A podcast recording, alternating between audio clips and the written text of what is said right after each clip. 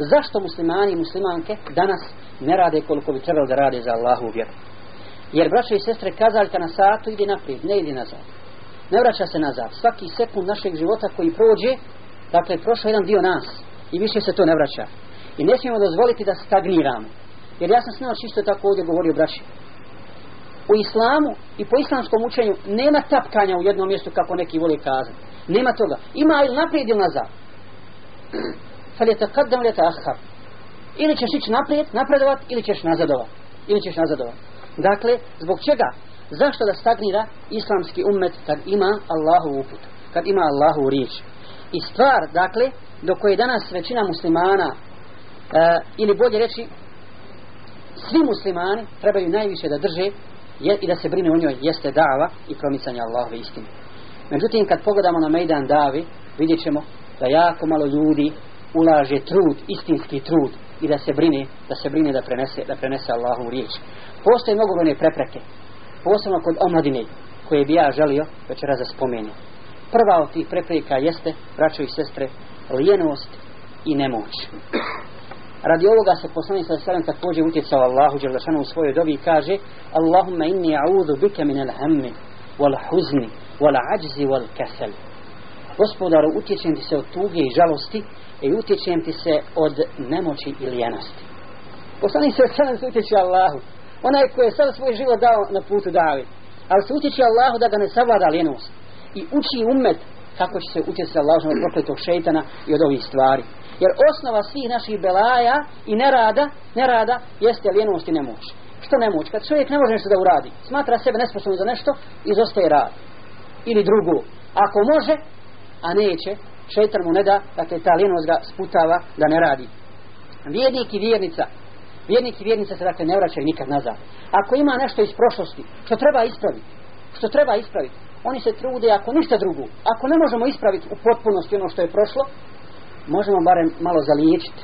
Moramo ba, ma, ba, zaliječiti za laku moć. Ako ne možemo ni to, osloniti se na Allaha Želešanu i ići naprijed. Ići naprijed, samo ne stagnirati. Zatim, drugi uzrok jeste strah od neuspjeha. Kada insan nešto hoće da uradi na dunjalu, bilo kakav posao, pred njim se ispriječe dvije mogućnosti. Uspjeh ili neuspjeh. Uspjeti u ovome poslu ili ne, ili ne uspjeti. Kao student na, na ispitu. Strah od uspjeha ili neuspjeha. Međutim, ako je čovjek učio on zna inšala da će, da će, da će biti uspjeh, da će biti bliži uspjehu nego, nego neuspjehu. Zašto danas braće i sestre kod muslimana prevladava, prevladava mogućnost neuspjeha više nego mogućnost uspjeha u daju pozivanju Allahu u vjeru. Dakle, zašto tako nije kad hoćemo da radimo neki dunjalučki posao, mi se potrudimo pa, ga, pa nam Allah dadne, dadne da, da, da ga uspješno završimo. Zašto tako nije kad je u pitanju dava? Ovdje se često puta ljudi e, boje nekoliko stvari. Prvo, neće se odazvati ljudi. Nisi ti autoritet da ti ljudi dozovu. Neće te slušati. Ako se to desi, ako šeitan te plaši s te strane, brat, brat, brate i sestre, ti koji sigurno možeš imati uticaj u svojoj školi, na svom fakultetu, nemoj čekati samo od onih koji su zvanično pozvani, jer svi smo mi pozvani od poslanika, sallallahu alaihi sallam, da pozivamo u islam. Onoliko koliko ko zna i koliko može. Kad kaže poslanik sallallahu alaihi sallam, dalje guanni valav aje, prenesite od mene makar jedan aje makar jedan ajet. I pitaće nas Allah zato na sudnjem danu.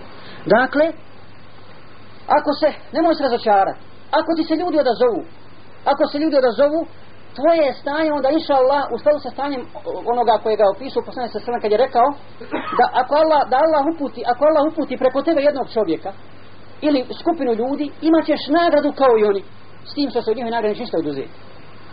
Ako se ljudi ne odazovu onda je inša Allah tvoje stanje kao stanje onih koji opisuju po sallam sallam hadisu bada islamu gariban fa se jaudu gariban kema bada fa tubali il guraba. Islam je počeo sa pojedincima vraća se na pojedince i blago pojedincima. Dakle ti nikad ne gubiš. Nemoj se razočarat. Ne smiješ dakle moraš činiti, činiti davu ili kao što je u džihadu. Jedno od dva dobra. Ili šehadet ili pogibe na Allahom putu ili pobjeda. Mujahid muslima nikad ne gubi. Nikad ne gubi. Dakle uvijek dobija i da, zbog toga se ne smije razočarati moramo, moramo činiti davu. Zatim strah od upadanja u grešku. Strah od upadanja u grešku često puta ljude sputava da ne čini davu. Kad ja nisam sposoban, nisam ja od tog ehla nisam ja učio, učio te stvari i onda na fakultetu zaostaje dava. Zaostaje dava na, na fakultetima, zaostaje dava u školama, zaostaje dava u firmama, i ljudi žive svojim džahilijeskim životom, mi pored njih klanjamo svih pet vakata namaza, on nikad ne abdesti, on nikad ne spominje Allahu uzvišeno ime, osim neuzubila ako ga neće opisovati ili uvrijediti, a mi ništa ne radimo, ne, ne radimo na tom polju. Dakle, te gre, taj strah od greške ne...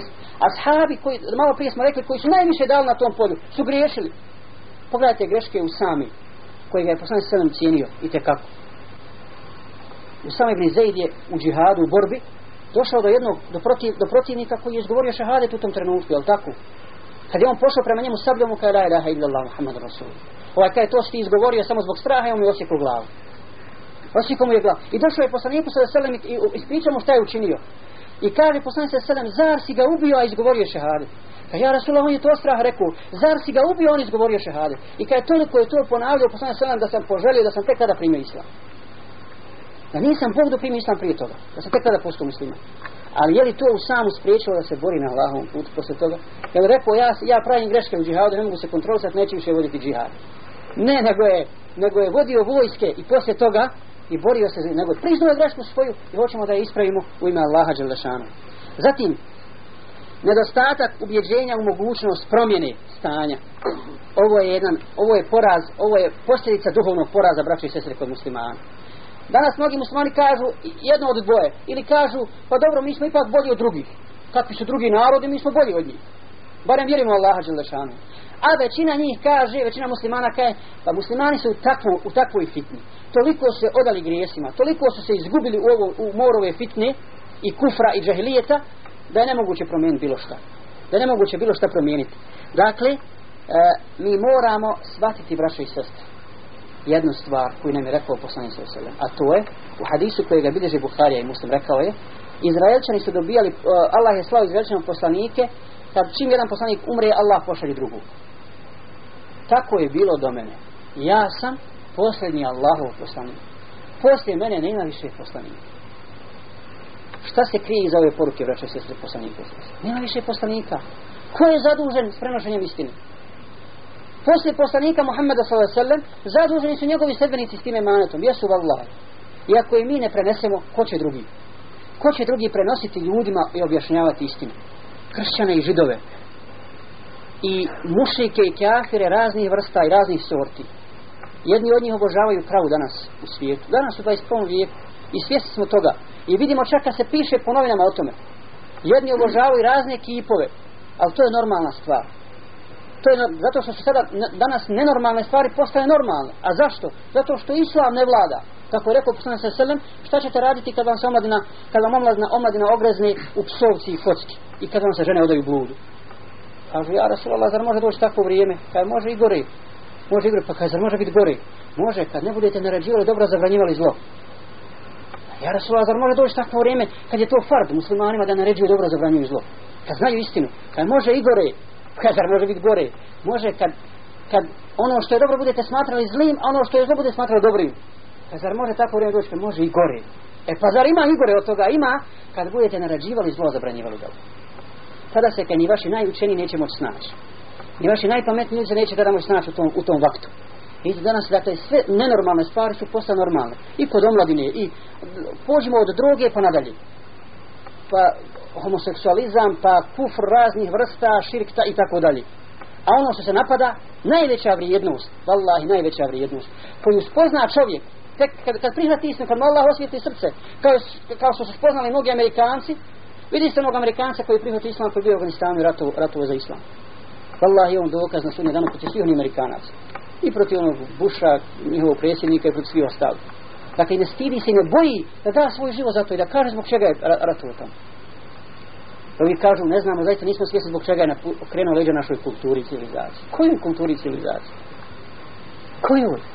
Kad svi Allahi poslanici pozivali u islam. I kad je islam jedini islam. I dakle, a jedina je ta vrijednost koja se nas napada.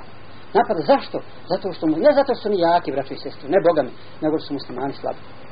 Što su muslimani slabi i što neće da stanu jedan saf, da se ujedini oko Kur'ana i sunneta i da se bore do kraja, do kraja da ustraju da ustraju, da ne budu kao židovi kršćani kao kraja sam u hadijskoj bilježi Buhari mi smo najbolji umet mi smo iskoristili najmanje rade najviše ćemo dobiti na sudnjem danu e kako je Rasul kaže židovima bilo naređeno da radi pa su radili do podne i do djeli kopali su, dodijelo im i ostavili.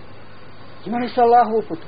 Pa su na, pa došli kršćani, radili ono do ikindije, u stvari skoro do akšama. I nisu mogli izdržati. I došli su muslimani, samo preuzeli jednu malo iskopali što je ostalo do akšama i završili posao. I završili posao. Dakle, ne smijemo stati. Moramo ono završiti, moramo završiti taj posao. Muhammed sallallahu alejhi ve sellem kad je došao tek koliko je bilo, jel bio iko vjernik u, u njegovo vrijeme? Bilo je nekoliko ljudi od onih dinul hanifa, koji su bili na tevhidu. Ali ovdje nije bilo nikakve ni štete ni koristi. Ni štete ni koristi. Što i možete nisu dirali? Što i možete nisu dirali? Oni su nikad nisu činili šir. Nikad. Čak jedan od njih spominje se ne da jedan od njih upozorio Muhammeda sa sve dok nije bio poslanik. Kada je htio da jede meso koje je zaklano prinešeno na žrtvenik onim njihovim božanstvima, rekao mu nemoj jesti to meso i poslanik se nije jeo, nije jeo to meso. Nije bio još poslanik, upozorio ga on na, na, na, na tu stvar. Ali nisu i napadali muslije, jer oni nisu bili od onih koji, muslija, od reformatora koji su popravljali stanje. Nego ti sjedi sam u džami i vadeti, nema problema, neće tebi nevjernik ništa uraditi. Ali se podigni da radiš, da pozivaš njega na najljepši način, tada će te on spriječiti. I oni danas vide, vide da inša Allah Islam krenuo. Međutim, moramo uložiti puno više. Puno više. Ja sam čak birao, večeras razmišljao, koje od ove dvije teme da uzmem da li da uzmem temu značenje pobjede u islamu ili da uzmem ovo o čemu da govorim Koli, šta trebamo s da urade da bi dobili pobjedu koju, koju željno, željno očekuju nakon poslanika sa selem nakon njegove smrti koja je bila najveća žalost za muslimane i muslimani posle to posle te žalosti ne mogu doživjeti veću žalost je tako ali ashabi nisu sjeli i plakali kad je poslanik sam umro nego su proširili vjeru. Proširili su islam Perzija, Vizantija uzeti Irak i Horosan i Šam i tako dalje.